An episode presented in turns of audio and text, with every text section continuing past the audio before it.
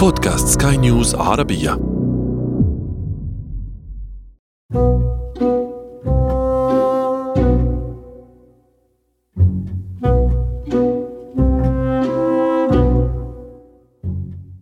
هل بالإمكان إطالة عمر الإنسان بقلب عمر خلاياه لتسير عكس عقارب الساعة؟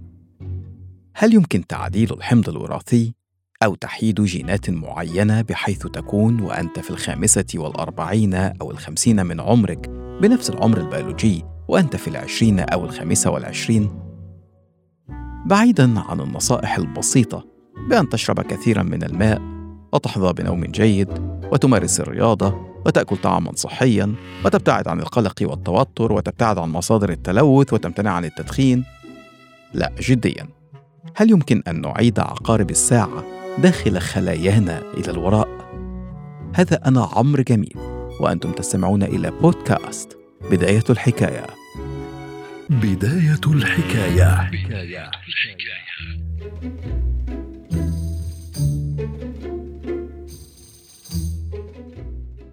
يقال إن كليوباترا التي لم تكن سمراء بالمناسبة كان لديها روتين يومي بالاستحمام بحليب الحمير.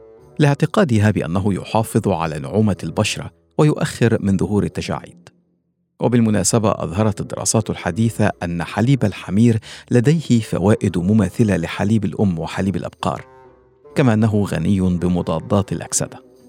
طبعا لم يعرف القدماء مسألة مضادات الأكسدة لكن القصد أن الهدف منذ القدم كان الحفاظ على الشباب. وفكرة الحفاظ على الشباب أسرت الإنسان في كل الثقافات. أساطير أكسير الحياة وينبوع الشباب. في أوروبا أسطورة إيدون حارسة التفاح ومانحة الشباب الأبدي. وفي اليابان أسطورة الراهبة التي ظلت شابة طوال حياتها بعد أن أكلت لحم حورية البحر عن طريق الخطأ. وصولا إلى دراكولا وشرب دماء الضحايا والحفاظ على شباب دائم. وبشكل أكثر جدية وأقل أسطورية الوصفات الشعبية في آسيا.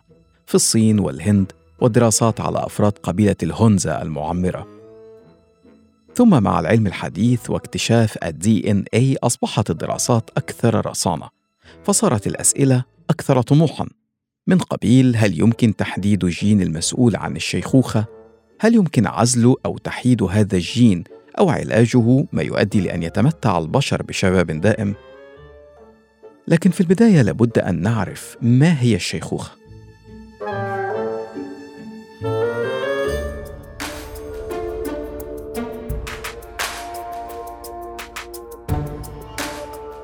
الشيخوخة يا صديقي وببساطة هي عملية بيولوجية تتم داخل جسمك. وبمرور الوقت تعجز خلاياك عن القيام بما يفترض بها القيام به. الموضوع أشبه ببطارية الموبايل مثلا. في البداية تكون البطارية في أفضل أحوالها. تشحن الموبايل فيعمل بكامل طاقته. ثم تستنفد البطارية. فتعيد شحنها ومع الوقت تبدأ قدرة البطارية تقل. وهكذا إلى أن تستنفد بشكل كامل. نفس الحكاية بالنسبة لخلايا الجسم. تتجدد وتستخدم فتتلف، ثم تتجدد إلى أن يأتي وقت تتراجع فيه تدريجيا. منظمة الصحة العالمية تقول إن هذه المرحلة تبدأ عادة بنهاية العقد الرابع من العمر، يعني في نهاية الثلاثينيات. تختلف أيضا علامات ظهور الشيخوخة من شخص لآخر طبقا لعوامل كثيرة التركيبة الوراثية، نمط الحياة، العوامل البيئية، لكن في كل الأحوال تبقى الحقيقة المؤكدة أنها تحدث وتؤدي إلى النهاية المحتومة. أيضا الشباب الظاهري لا يعني بالضرورة أن الشيخوخة لم تصب الأعضاء الداخلية، يعني قد يحتفظ البعض ظاهريا ببشرة نضرة لكن تبدأ الكلى في الضمور، وعلى العكس أشخاص تبدأ التجاعيد في الظهور على بشرتهم أو يظهر الشيب عليهم لكن قلوبهم تكون فعليا أصغر من عمرهم البيولوجي أعني صحة قلوبهم وليس دفء قلوبهم ها؟ يعني الجميع متفق على أن الشيخوخة أمر حتمي بغض النظر عن السن الذي تطرق فيه الباب أو الأعراض أو حتى الأسباب أليس كذلك؟ لا ليس كذلك عالم وراثة أمريكي شهير يدعى ديفيد سينكلير وهو مسؤول عن مختبر هارفارد وحائز على عشرات الجوائز العلمية. مقتنع بأن الشيخوخة ليست أمرا حتميا بل هي مرض يمكن علاجه بتطوير عقاقير خاصة حتى إنه يمكن من وجهة نظره عكس مرحلة الشيخوخة. يقول سنكلير إن هناك تسعة أسباب رئيسية للشيخوخة. واحد منهم يقود إلى معظم إن لم يكن كل الأسباب الأخرى ويتعلق بفقدان المعلومات. يعني إيه؟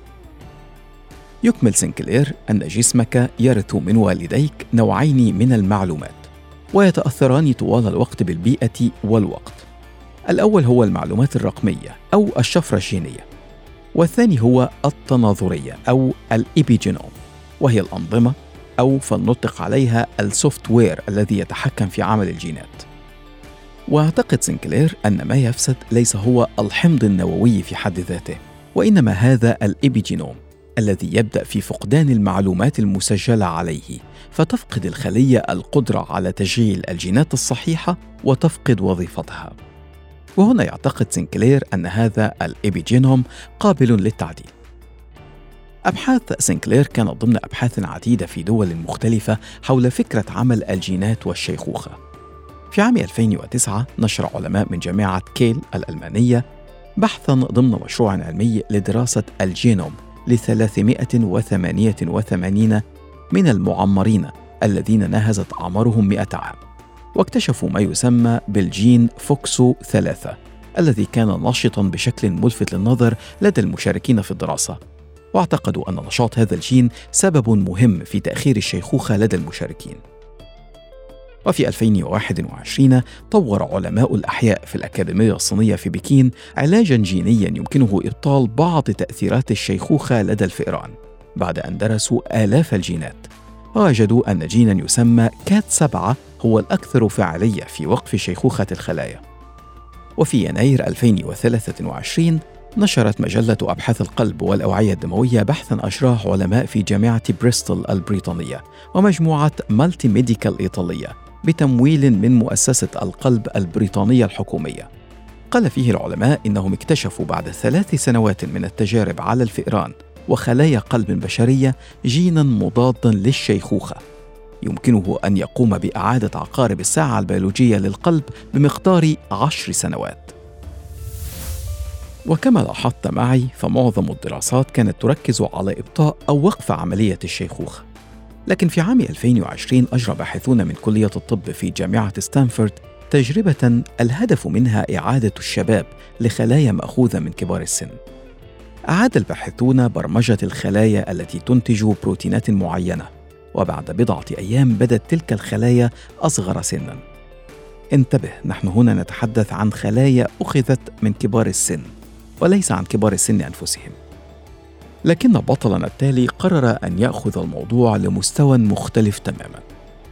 هو رجل أعمال أمريكي يعمل في مجال التكنولوجيا ويدعى براين جونسون يبلغ براين 45 عاما وقرر الرجل أنه لا يريد فقط الحفاظ على نفسه من الشيخوخة بل بعكس عقارب الساعة إلى الوراء فعليا. فحول براين إحدى غرف منزله الفاخر إلى عيادة كاملة يعمل بها ثلاثون طبيبا. تم في البداية إجراء تحاليل واختبارات وأشعات وصلت لالتقاط أكثر من 30 ألف صورة لأمعائه فقط ودراسة عمل أعضائه بشكل دقيق وصولا لعدد مرات الانتصاب خلال النوم.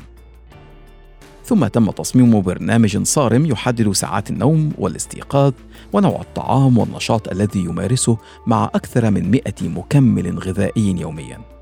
بعد عامين قال براين إنه خفض عمره البيولوجي بمقدار خمسة أعوام على الأقل. إن كنت تفكر في فعل ما فعله براين فإليك ملحوظة صغيرة أن براين أنفق خلال عامين أكثر من أربعة ملايين دولار بواقع مليوني دولار سنوياً. كما أنه حتى اللحظة لم يصدر تأكيد من أي جهة علمية للنتائج التي أعلنها براين.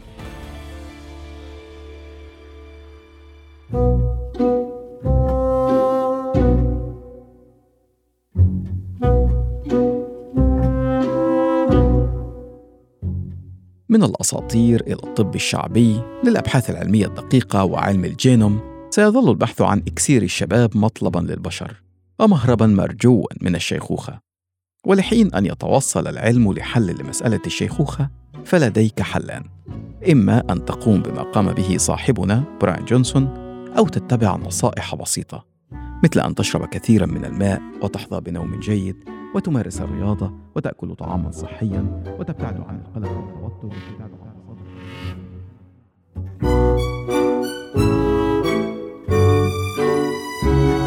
بداية الحكاية.